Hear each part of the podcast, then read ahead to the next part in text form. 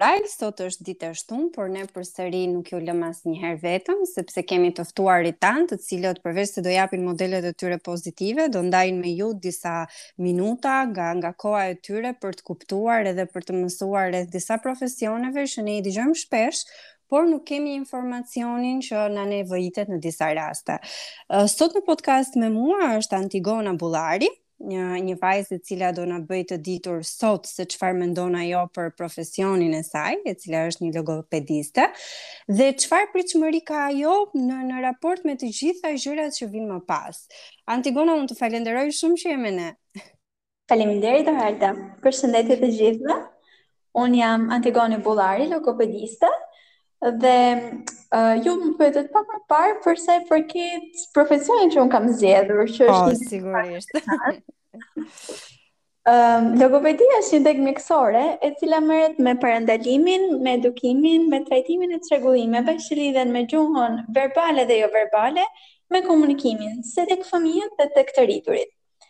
Ne si profesionistë punojmë me pacientë të të gjitha moshave, nga bebet e porsalindura që mund të hasin mm -hmm. probleme me, me gëlltitjen, me ushqyerjen, pra që nuk e pinë gjirin, deri tek moshat geriatrike, pra moshat e treta me problemet që lindin pas insulteve cerebrale ose ndryshe goditjet në në tru, Pra trajtojmë patologji që përfshijnë problematika me me tingujt e të folurit, me gjuhën, me shkrimin, leximin, me rrjedhshmërinë, pra me belbëzimin, mënyrën se si përdoret komunikimi, pra komunikimin social, ku kemi dhe rastet e fëmijëve që janë në çrregullim të spektrit të autizmit apo fëmijë që janë me sindromin Down, me zërin dhe funksionet kognitive si ushqyerja dhe gëlltitja gjithashtu. Pse ke zgjedhur këtë profesion? Atëherë, unë kur kam filluar studimet, um, ka pasur mjekësinë e përgjithshme dhe logopedinë si degë. Mm -hmm. uh, arsyeja pse zgjodha logopedinë është është shumë e thjeshtë, është uh, një degë mjekësie që është e specializuar direkt, pra nuk më duhej të bëja 6 vite mjekësi të përgjithshme dhe më pas të bëja një specializim në pediatri mm -hmm. ose neurologji që ishin dy fokuset e mia. Uh, logopedia i përmblidhte të dyja, kështu që mund të punoja me pacientë si fëmijë dhe të rritur. Dhe ishte direkt e specializuar që në momentin e parë që hyje në fakultet. Uh, është pjesë e Universitetit të Mjekësisë Tiranë. Mm -hmm. uh, gjithashtu ndodhet edhe në Elbasan si degë. Uh, dhe aktualisht do të thotë ka ka dhe versionin bachelor dhe versionin master. Antigoni, po, uh, si, si mendon ti, uh, a është e nevojshme që ne të, të marrim konsultën e një mjeku specialist për të parë pastaj edhe të gjithë problematikat që vijnë tek një fëmijë që ka probleme?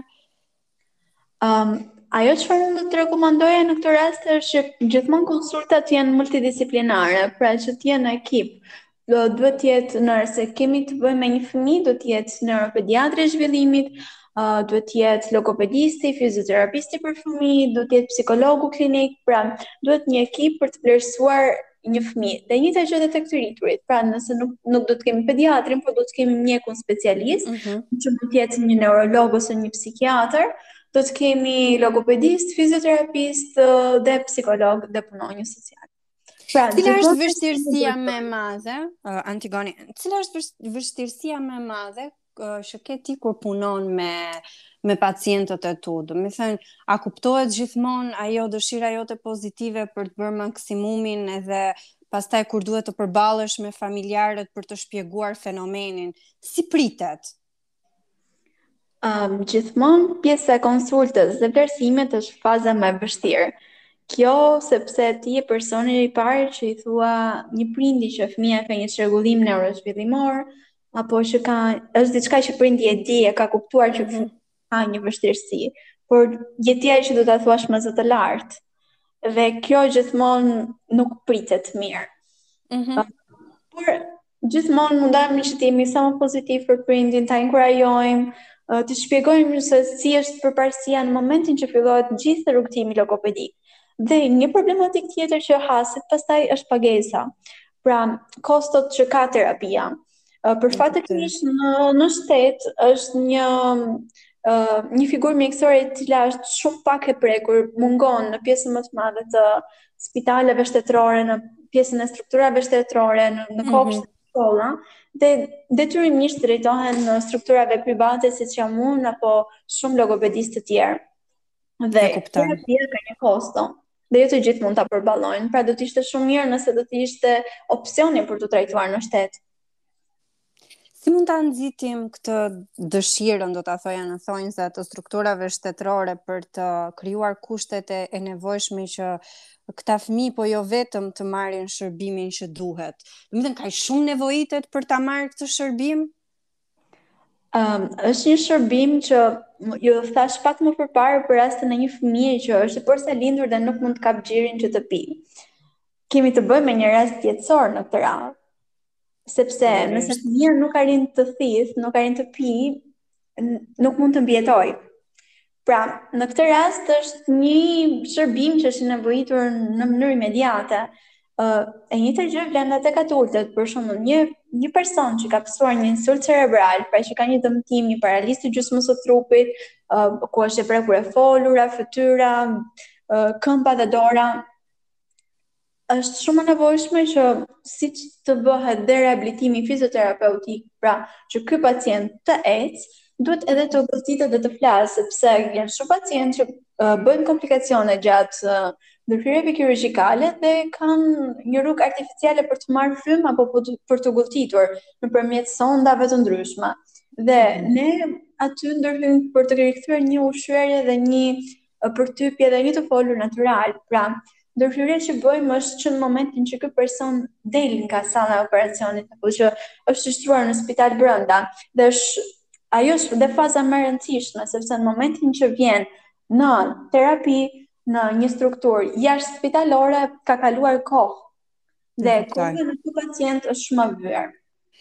Antigoni në bisedën paraprake që ne bëmë, uh, ne folëm edhe për librin i cili do dalë për shumë po. pak ditë, edhe nëse unë nuk e di gabim titullin, bazat e rehabilitimit logopedik. Uh, pse pse ke menduar që të të bësh një libër, çfarë përfshin aty edhe si si do mundet ta gjejnë njerëzit të cilët janë të interesuar për të për të lexuar përmbajtjen edhe për të marrë informacionin që ti ke ke cilësuar si të nevojshëm për t'u kuptuar nga të tjerët. Domethënë çfarë do përmbajë edhe pse ke ke dashur ti që ta formësosh në një libër.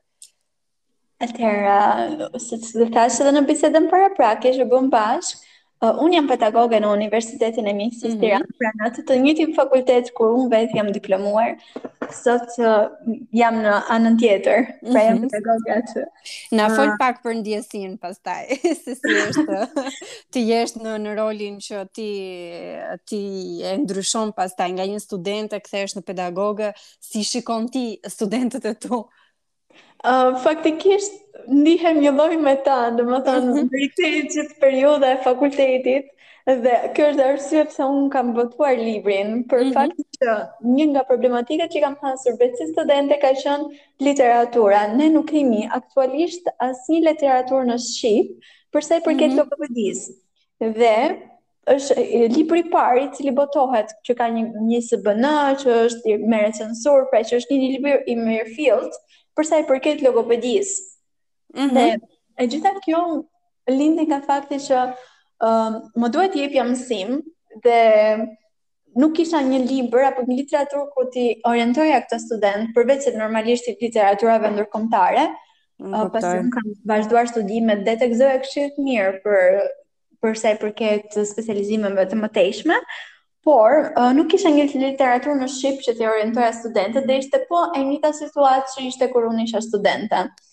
Dhe nga kjo lindi ideja e të krijuarit të një libër, e cila do të ishte jo në formën klasike të të mësuarit, mm -hmm. por një mhm. libër e cili është shumë i orientuar drejt praktikës. Pra, Pra, prandaj përmban dhe titullin Bazat e Rehabilitimit Logopedik, sepse është e bazuar në eksperiencën time disavjeçare si logopediste, uh, ku përfshihen patologjitë kryesore që dhe më të shpeshta më saktë që ne hasim në Shqipëri dhe mm -hmm. disa teknika dhe foto të, të, të realizuara në klinikë me pacientë realë uh, se si mund të uh, arrijmë uh, të kemi një orientim terapeutik për sa i përket logopedisë.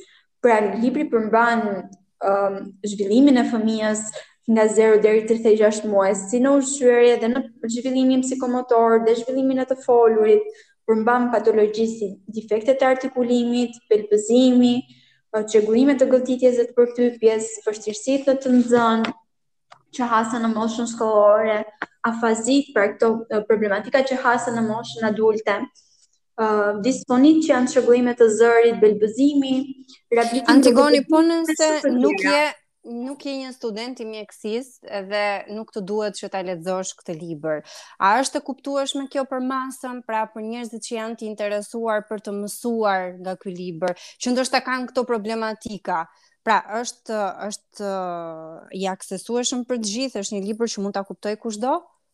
Është atëherë gjuha që është përdorur në libër është e thjeshtë dhe uh, përmban sa më pak terma mjekësorë. Dhe të gjithë termat mjekësorë janë të shpjeguar uh, në kllapa se çfarë do të thotë, pra dhe në çfarë konteksti është përdorur në libër.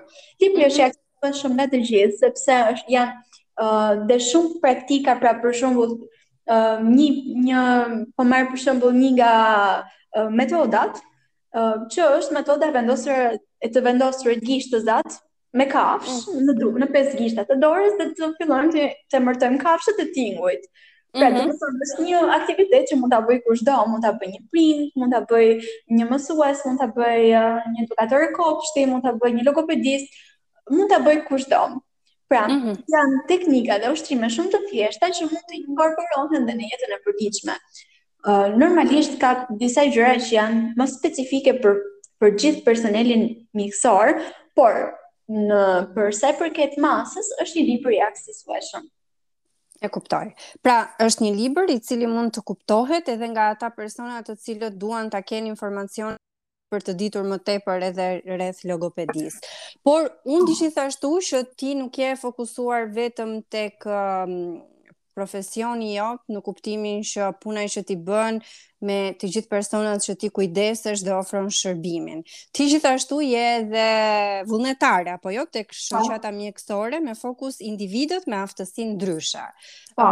Çfarë çfarë bën ti aty dhe si ndihesh në momentin që je një vullnetare?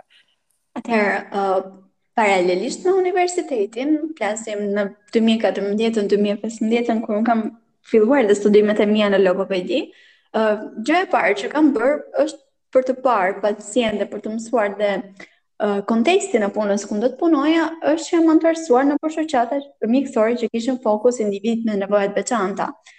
Um, një prej tyre ka qenë dhe shoqata e logopedistëve shqiptarë, Mm -hmm. uh, ku nëpërmjet shoqatës së logopedistëve, ne uh, trajtonim me mbikëqyrje pacientë që ki, nuk kishin mundësi të paguanin uh, terapitë. Pra, uh, kjo ishte ajo që jepte satisfaksionin më të madh që individit që nuk ka mundësi të paguaj një terapi e cila kushton një tot lekësh, i mhm. ofrohej një shërbim falas dhe kjo bëhej uh, nëpërmjet uh, bashkëpunimit me me studentët e logopedisë, pra ne kishim mentorët tanë që na udhëzonin dhe na tregonin se si të punonim uh, dhe se si ne mund të kishim rezultate me këta fëmijë. Um, mm -hmm. Gjithashtu, uh, një, një shoqatë tjetër që unë jam anëtarësuar është shoqata Maja, Medical Association New Albania, e cila ka në fokusin e saj dhe në prizmin e saj um, profesionistët e shëndetësisë, por në nivelin akademik, pra të, se si ne mund të gjatë gjithë kohës të mm, trajnohemi të mm -hmm. nga stafi mjekësor për të gjitha problematikat që hasim. Ku unë mbaj dhe pozicionin në, si koordinatore. e, e bordit të shkencave mjekësore teknike. Uh, aty për shembull ne organizojmë konferenca, trajnime mjekësore që përfshin të gjitha fushat. Pra është kjo që unë thashë në fillim, ekipi multidisiplinar. Dhe më beso pa pa një ekip multidisiplinar është shumë e vështirë që të ndje të nxjerrësh një diagnostikim të saktë dhe të japësh shërbimin e duhur cilësor tek pacienti. Shumë e drejtë. A e rekomandon ti tek të rinjtë e tjerë të cilët duan të ndjekin fushën e studimit ku ti je përqendruar, që të bëjnë fillimisht punën vullnetare për ta kuptuar realisht se si është të punosh me me persona të cilët kanë probleme, edhe pastaj t'i kurosh ata. Um, është gjë e parë që unë u them dhe studentëve të mi që që nga viti i parë i bachelor që jap mësim. Ë uh, gjë e parë që duhet të bëjnë është të anëtarësohen nëpër shoqata që kanë fokus individë me nevoja të veçanta, pra që kanë fokus punën e tyre në të ardhmen. Uh, mm. Kjo sepse e para duhet ta dash, ta dashurojnë punën e tyre sepse është uh, diçka që kalon përtej kufijve të shkencës eksakte mjekësore, ti do të do të trajtosh një pacient jo me medikamente, por nëpërmjet një terapie rehabilituese. Pra, të qenurit pranë pacientit, të parit sa më shumë raste, i aftëson jo vetëm nga ana praktike, por edhe nga ana e, e botëkuptimit të tyre dhe mm -hmm. formësimit si individë. Pra, ajo çfarë unë rekomandoj është që në momentin jo vetëm studentëve të logopedisë, por çfarëdolloj studenti që hyn në universitet, nëse ka shoqata që kanë fokus fushën e tyre të studimit, duhet të anëtarësohen dhe të jenë të angazhuar aktivisht në mënyrë të tillë që të punësohen dhe të kenë një një botëkuptim sa më të gjerë. Dhe kjo do të shërbejë shumë në të ardhmen. A ke ti një mesazh për të na dëgjuar, a ke ti një moton tënde të cilën ti e ndjek vazhdimisht për të për të ecur përpara, për të bërë gjëra pozitive për veten, po edhe për shoqërinë, sepse çdo profesion që ne bëjmë, uh, pavarësisht se e kemi tek vetja fokusin, uh, shërbimin e, e, e kemi në komunitet. Um, ajo çfarë unë do të thosha është asnjëherë mos bëj keq, por gjithmonë për mirë. Pra gjithmonë mundohu që të bësh më të mirën të vetes tënde dhe gjithmonë do shpërblehesh. Dhe shpërblimi nuk do të thotë gjithmonë të jetë në anë monetare. Shpërblimi është ai uh, satisfaksioni që ti ndjen kur atë pacient që del nga dera e ke rikthyer në në në jetën sociale, e ke rikthyer në komunitet. E vërtetë. Uh, çfarë do bëjë Antigoni me pushimet e verës? si e kalon kohën e lirë? Ka hobi apo vetëm punon? uh, kam, unë faktikisht preferoj kërcimet latine. Ah, sa mirë. dhe është një metodë shumë argëtuese për t'u shplodhur pas një dite të lodhshme pune, por uh, përsa i përket verës, më gjen në punë. uh, Antigoni, ne jemi në në fund të të podcastit tonë edhe nuk e di nëse ti dëshiron të shtosh diçka apo ke një mesazh apo ke diçka që ti do doje realisht ta ndaje me dëgjuesit e Futural dhe jo vetëm. Ajo çfarë unë dua të them për ta përmbyllur këtë podcast është që investoni fillimisht tek vetja juaj, si individ dhe më pas do të jeni gati për shoqërinë. Pra, uh, gjithmonë mundohuni të bëni më të mirën nga vetja juaj. Dhe të falenderoj shumë për këtë podcast kaq interesant. Edhe unë të falenderoj shumë ty edhe për gjithë punën që ti edhe kolegët e tu bëni vazhdimisht, sepse shpeshherë puna juaj nuk diskutohet, nuk vlerësohet, edhe nuk i jepet vëmendja e duhur